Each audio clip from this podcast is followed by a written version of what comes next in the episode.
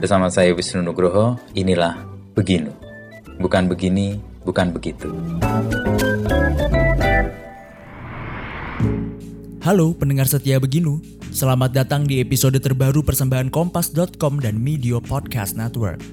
Tapi sebelum mendengarkan sesi episode kali ini, jangan lupa follow dan beri rating terbaikmu untuk podcast Beginu di Spotify, serta nyalakan notifikasinya supaya kamu bisa terinfo setiap ada episode terbaru.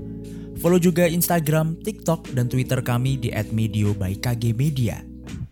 Di episode ini, kita akan menyelami kisah Gindring Waste, seniman jalanan dari Magelang. Bincang-bincang Wisnu Nugroho dengan Gindring Waste menceritakan kisah Gindring menemukan gayanya. Gindring juga bercerita tentang perjalanannya hingga mendapat ruang di Magelang. Gindring juga bercerita tentang perjalanannya hingga mendapat ruang di Magelang sekaligus bentuk identitas karya seninya. Yuk langsung saja kita dengarkan lebih lanjut. Sobat Medio butuh informasi seputar bisnis dan sedang kembangin UMKM. Podcast Smart Inspiration hadir untuk membantu kamu yang sedang merintis maupun menjalankan bisnis lewat berbagai tips dan pengetahuan dari para ahli. Persembahan Media Podcast Network by KG Media hanya di Spotify.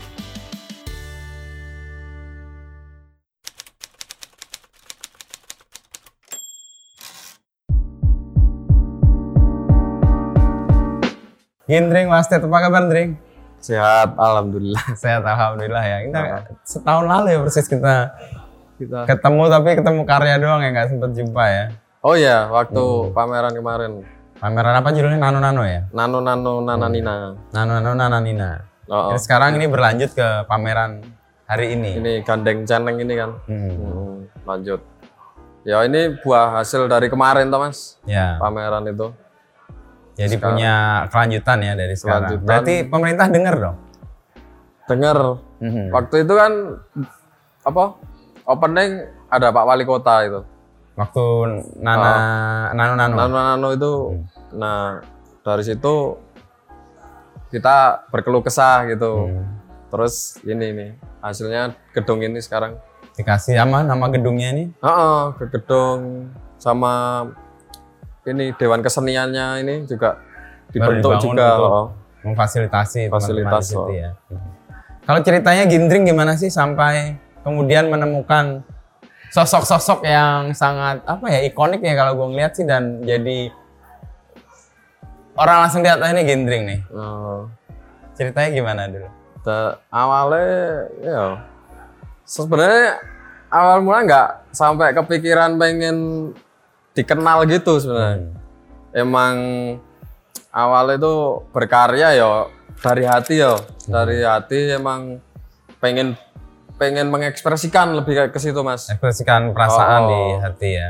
Awal mulanya kan dulu aku ya pada seperti anak nakal pada umumnya, Mhm. cuman seneng vandal di jalan. Itu usia berapa? Pas SMA? Itu SMA, mulai SMP? mulai SMA kelas 2. Oke. 16-an tahunan gitu Iya, ya. heeh. Hmm. Itu terus nah mulai dari situ tuh pergaulan kan demi pergaulan terus dapat oh, jalan Mhm. dapat referensi yang banyak juga Mhm. gitu terus jadi les sekarang Mhm. Awal dulu waktu vandal apa yang disampaikan sebenarnya? itu pertama kali namaku bukan Gindring waktu pertama kali Apa vandal namanya? itu sit Sit, ya kotoran oh, SHIT Oh SIT, oke. dan taggingnya pun juga kotoran Hmm. waktu itu memang apa ya waktu itu kan aku terinspirasi game PS1 mas Oke. Getting Up Mhm. itu game vandal juga graffiti nah dari situ aku wah asik nih kayak gitu waktu itu apa anak-anak seumuranku pada main bola Mhm. aku itu sendiri Vandal. vandal, heeh. Mhm. tapi ada beberapa temen juga sih yang waktu itu ikut Mhm. vandal gitu Mhm.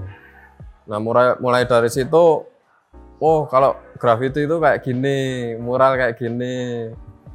Terus kita belajarnya juga dari internet.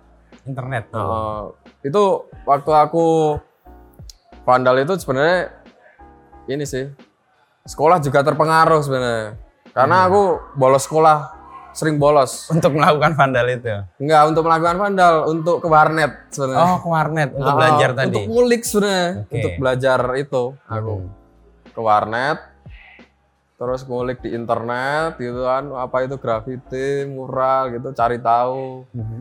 Nah dari situ. Dari SHIT lalu kemudian jadi gindring ini Gindring. tahapannya terus bagaimana ketemunya? Nah itu dari itu lama sih itu dari aku cuman gambar kotoran gitu. Terus aku sempat bikin graffiti mas. Graffiti. Heeh. Teks. Tulisan. heeh. Tulisan. lettering gitu pernah terus ah aku pikir terlalu biasa ya kayak Hmm. gini terus di internet tuh aku lihat ada kayaknya Banksy kan Banksy, oke. Kan? Inggris. Ya. Heeh, waktu itu lagi gencar-gencarnya stensil waktu itu kan Hmm. wah keren tuh maksudnya dia dari jalanan bisa mengkritik kan Mhm. tapi dengan kritiknya yang unik gitu Ya. nah aku sebenarnya terinspirasi dari situ Oke. Cara menyampaikan pesan, Heeh. tetapi dengan gaya yang khas ya. Mm-mm. Nggak melukai tapi pesan sampai ya Nah, kayaknya. gitu. Oke. Terus nah, aku sebenarnya untuk aku mengkritik mengkritik gitu kebanyakan terinspirasi dari Banksy. Mhm. Tapi itu kan waktu itu Banksy ini stensil, Mas. Stensil ya. aku dia. pernah bikin stensil juga, tapi di fase setelah graffiti. oh, oh. terus teman-teman bilang, "Wah, kayak Banksy ini." gitu. Terus aku cari ide lain, Ah. cari karakter waktu itu. Terus nemu beberapa seniman yang menurutku wah keren nih. Karakter aku paduin sama kritik. Pesan. Oh, sama pesan-pesan kayak gitu. Terus nemu yang gindring sekarang. Ini kan kalau lihat dari karakternya kan kamu sering nyebut dari Misfits ya. Oh, Sebagai inspirasi awal ya. oh, aku seneng waktu itu era itu aku seneng dengerin Misfit. Hmm. Dari The Misfit, beberapa band thrash metal, black metal pun juga makanya ada Corpse Paint juga kan. Mhm. Terus dari apa film-film yang aku tonton, kartun-kartun gitu Itu berpengaruh ya. berpengaruh banget. Mhm. Terus kebanyakan kan pakai teks aku. Mhm. Itu aku emang seneng komik mas, Oke. baca komik daripada baca buku itu aku lebih seneng baca komik. Emang dari SD ya, Mhm. baca komik suka. Dan pesan di tembok atau di vandal itu menggunakan gaya komik juga sebenarnya. Iya. Setelah ketemu karakter ini. Iya, Mhm. makanya aku paduin itu. Mhm. Kalau dalam proses untuk menemukan apa yang mau disampaikan, gimana caranya Gendring menemukan, oh ini nih gue mau ngomong ini nih, gue mau bersuara ini, gue mau kritik ini. Itu gimana prosesnya biasanya? Itu gimana ya? Itu tuh kayak sebenarnya itu kayak lebih ke aku ke warung kopi, Mhm. ketemu tukang beca, terus di pos kampling gitu. Aku ngobrol sama orang-orang sekitar atau sama teman-teman. Untuk sebenarnya- mendapat keresahannya. Oh, oh. Ter- itu terutama sih keresahanku sendiri sebenarnya. Kok Oke. kok gini banget sih gitu. Peraturan-peraturan, sistem-sistem Mhm. gini amat gitu. Nah, Terus dari kamu konfirmasi ke obrolan warung kopi itu. Oh, oh. Terus Terus ternyata dapat oh, oh, kebenaran atau oh, dapat konfirmasi. oh. Oh. Ya ide-ideku nggak ini apa? Ide-ideku nggak jauh-jauh dari sekitar dapatnya. Mhm. Ayo dari ini teman-teman dekat orang-orang sekitar yang lagi nongkrong bareng kayak gitu. Berarti kesempatan nongkrong itu sesuatu yang berharga banget ya Oh, buat oh, obrolan. untuk mendapatkan ide atau mendapatkan afirmasi atas kritik yang Iya. mungkin dipendam sendiri gitu ya. Oh. Yo sama ngobrol kayak Mas Inu gini yo nanti bisa dapat ide. Ke bawah Iya. gitu ya.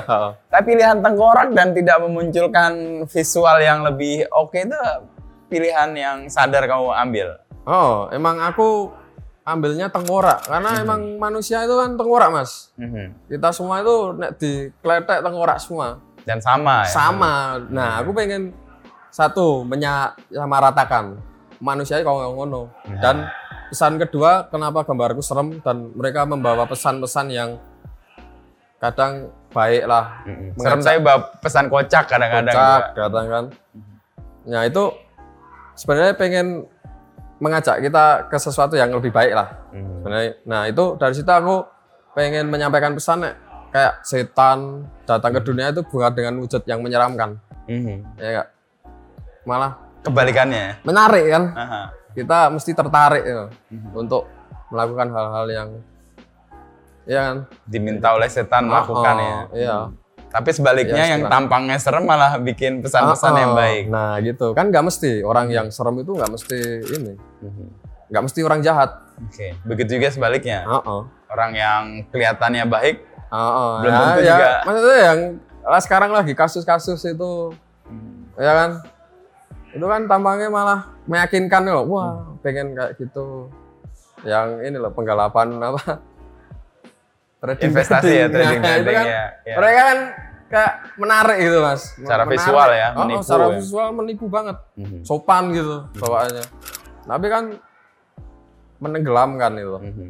Jadi Gindring mau membalik persepsi Ah, orang ah, yang persepsi. selalu menganggap bahwa yang jahat itu tampilannya buruk, Ah, yang ah. baik itu tampilannya baik. Itu nggak Ah. selalu. Heeh, nggak selalu. Kita harus kenal dulu. Yo, kita harus tahu dulu tengkoraknya gitu. Hmm. Tengkoraknya kan di dalam gitu. Ya, ya. Nah, gitu. Lebih dalam untuk memahami baru kemudian mengambil penilaian atau judgement ya. Heeh, Mhm. seperti itu. Kalau dalam posisi untuk menemukan tokoh-tokoh ini yang Hmm. kemudian Gindring pakai untuk menyampaikan pesan, kan kadang-kadang kocak tuh. Yang gue selalu inget sih tuh, eh, yang kita perlu menghormati Semua agama. semua agama karena Ya, heeh. dia memberikan kita hari libur. Heeh. Itu ide dari mana itu? Itu sebenarnya obrolan, Mas. Aha. Waktu itu aku ngobrol. Mhm. Itu sama bapak-bapak kampung Mhm. waktu ngecat tugu 17-an. Oke. Yuk, itu lagi bahas tanggal abang kayaknya. Hmm. Libur gitu kan. Libur Terus- nasional tuh. Oh, oh, terus ya itu ada yang nyeletuk gitu, wah keren juga tuh pak di aku bikin karya ya gitu. Oke. Oh ya, oke oke gitu. Dan itu jadi viral kan, Oh. jadi sesuatu yang kemudian orang Iya. merasa pesannya sampai, tapi kocaknya juga membuat orang Iya. ketawa kan Iya, ya, iya. terhibur ya. Kocak loh. Mhm. Itu pengaruh Banksy itu. Jadi punya Awalnya ya, awalnya emang aku bikin kata-kata gitu terpengaruh Banksy. Mhm. Terus Gindring balik ke sini ke titik ini tempat Dewan Kesenian ya nanti akan Oh. jadi di Magelang. Ini kan tempat yang sebenarnya dulu mau pra-pra Oh ya. Gindring kan. Tahun, tahun berapa itu sampai cerita dengan Oh. Satpol PP dan kemudian dicari kayak sayembara itu? Itu tahun 2017. 2017. Heeh. Gimana cerita terjadinya dan penyelesaiannya waktu Gindring? Waktu itu kan aku awalnya berawal dari ini lagi seneng-senengnya gambar di jalan. Waktu itu nggak apa-apa. Sudah pakai karakter ini? Udah, udah, Oke. udah pakai ini. Terus nggak apa-apa lah. Cuman pengen pengen hobi. Waktu itu aku masih kerja di percetakan, Mhm. percetakan buku Yasin itu. Yasin, oke. Nah itu apa? Mengisi waktu luang lah. Mhm. Habis kerja, ah capek, suntuk gitu. Yuk gambar sama temen gitu. Sore atau malam itu? malam mawa- malam-malam terus gitu toh tapi waktu itu juga ada keresahan Mhm. waktu itu kan di Magelang ini apa namanya Mag- awal-awal diganti nama dulu Magelang Kota Harapan Mhm. sekarang jadi Magelang Kota Setuga Bunga Kota sejuta Bunga. bunga. Oh, Dan- ada di situ tuh, ada Itu, iya, tulisannya ada. ya. dan bunganya pun nggak ada Oke. nah waktu itu aku waktu itu wak- waktu pulang hujan-hujan terus ketemu tukang becak ngobrol-ngobrol Mhm.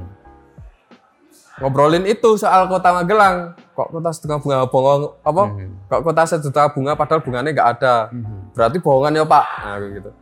Oh, oh mas bohong ya. Nah aku terinspirasi buat nulis itu di tembok kan. Nggak tahu kenapa, mungkin tersinggung atau gimana. Nah gara-gara itu aku dicari. Hmm. Itu ada cirimu ketika ditulis Ada, itu. oh. Ada namamu. Oh, oh. Dan waktu itu aku belum apa orang-orang yang cari aku belum tahu satpol pp gitu belum tahu aku siapa gitu belum tahu Hmm. cuman taunya gindring gitu doang waktu itu Terus pencariannya bagaimana sampai ketemu dan bagaimana penyelesaiannya? Terus itu lama kok itu setahunan aku dicari Nggak- nggak ketahuan. nggak, nggak ketahuan dan aku pun nggak tahu kalau aku dicari Oke. Aku Tapi tetap berkarya di mana-mana. Pasti vandal di mana-mana juga. masih Oke. nah salah satu hal yang fatal yang aku lakuin itu waktu aku mabuk sebenarnya. Mhm. Waktu itu aku mabuk, terus aku vandal sama temen, terus nggak nggak taunya ternyata yang aku vandal kantor satpol pp di situ deket tower itu Mhm. waktu itu. Terus wah iya mutar ya itu dari di grup Facebook berita Magelang gitu Mhm. rame itu dicariin bener-bener dari situ aku bener-bener mulai ditegesin gitu dicari terus nah kalau sebenarnya tuh aku kalau gambar cepet kan mas Ya. bisa cepet gitu waktu itu aku gara-gara gambar sama temen gitu nunggu dia lama Mhm. jadi ketangkep Oh, setahun setelah yang pertama kota sejuta bunga plastik Hmm. itu. Hmm. gitu terus ada hal yang lucu lagi tuh waktu ketangkap kan aku suruh hapusin semua gambarku Yang pernah di vandal di Oh, ada mana-mana. Di Magelang-Magelang itu harus dihapusin semua. Besok kalau kamu gambar lagi harus izin ada suratnya gitu. Oke oke gitu. Terus kan disuruh apel gitu mas, Mhm. disuruh apel tiap hari ke kantor gitu. Aku nggak mau waktu itu. Aku ada ini kan acara ke Bali mau pameran tunggal itu. Tapi KTP disita. Mhm. Wah harus apel gini-gini. Udahlah aku tinggal, Mhm. aku bikin KTP lagi, terus aku ke Bali tuh waktu itu. Pakai KTP yang bikinan atau? Oh, bikin. Terus aku balik dari Bali. Ternyata masih dicari tuh ada satu orang yang nyari aku orang satpol juga. Mhm. Nyari gitu, aku kira mau nangkep aku mas. Mhm. Ternyata u- apa? Udah lama aku ini, aku diemin gitu kan. Dia WA terus. Ternyata dia pengen ketemu, pengen ngobrol. Ternyata mau beli karya waktu itu. Oh, Satpol PP salah Oh, satu dari iya. anggota. Mhm. Salah satu anggota. Terus ketemu. Ketemu gitu. Mhm. Beli karya, terus jadi temen Mhm. gitu. Terus untuk karya-karya vandal itu akhirnya kamu hapus atau? aku aku hapus karena waktu itu aku di, diajak keliling pakai mobil itu Oh, Yang patroli. Iya, yang duduk di samping Ah, gitu. gitu, ah. Terus suruh nunjuk di mana tempat-tempat Iya. yang Gindring pernah bikin. Oh, oh. Dimodalin chat mereka untuk mereka oh, sehari itu aku hapus semua gimana tuh rasanya? Karya sendiri, ngapus sendiri atas perintah orang lain.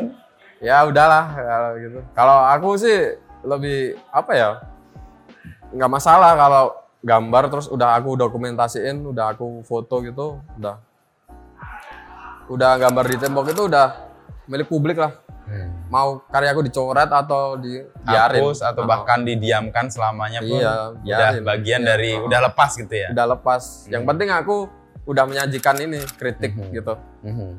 Udah. Lalu untuk belanja kritiknya tadi untuk menyuarakan sebenarnya keprihatinan utama apa sih yang Gindring ingin sampaikan dengan karya-karya itu? Keprihatinan sebenarnya nggak ada keprihatinan utama. Aku jalan aja pakai perasaanku sendiri gitu. Mhm.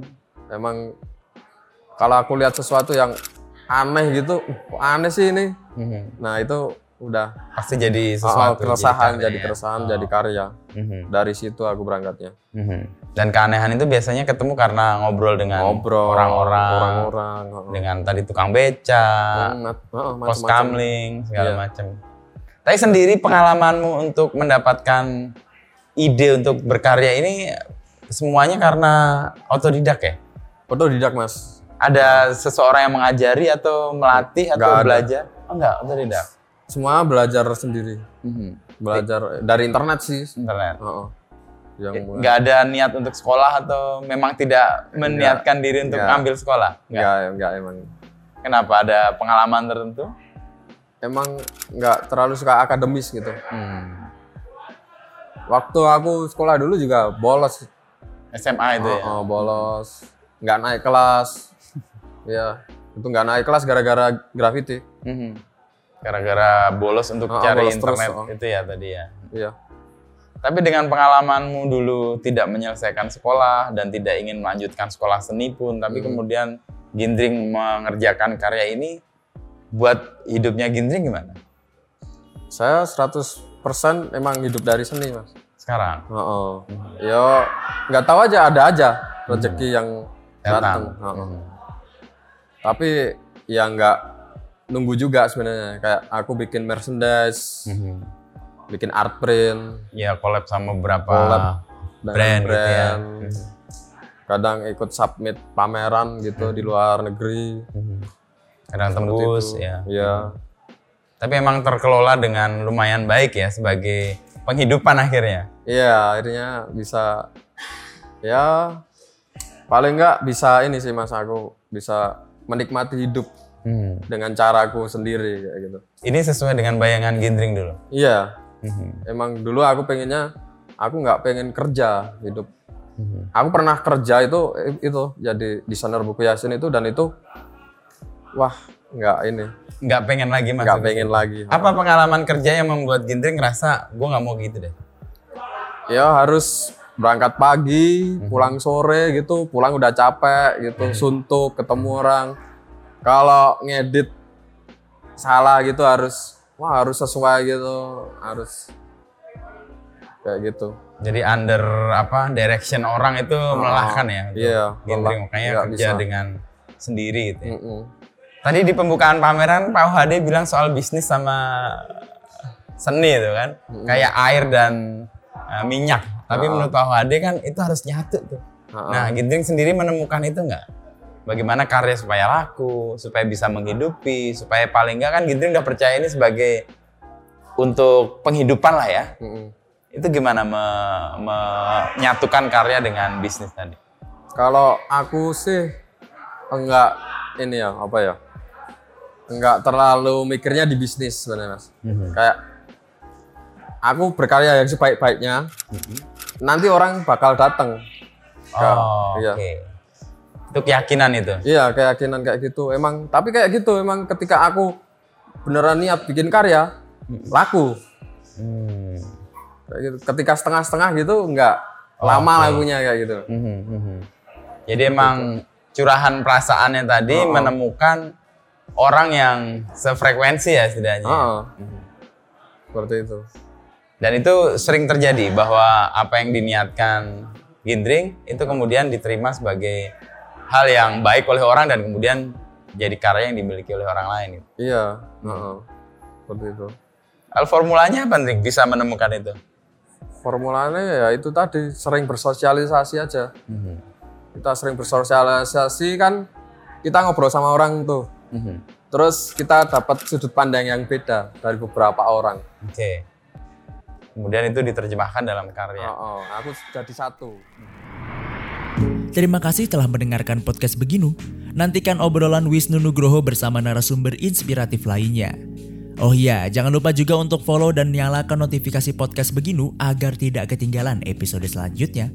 Saya Dava Wahyu dan segenap tim Media Podcast Network pamit undur diri. Música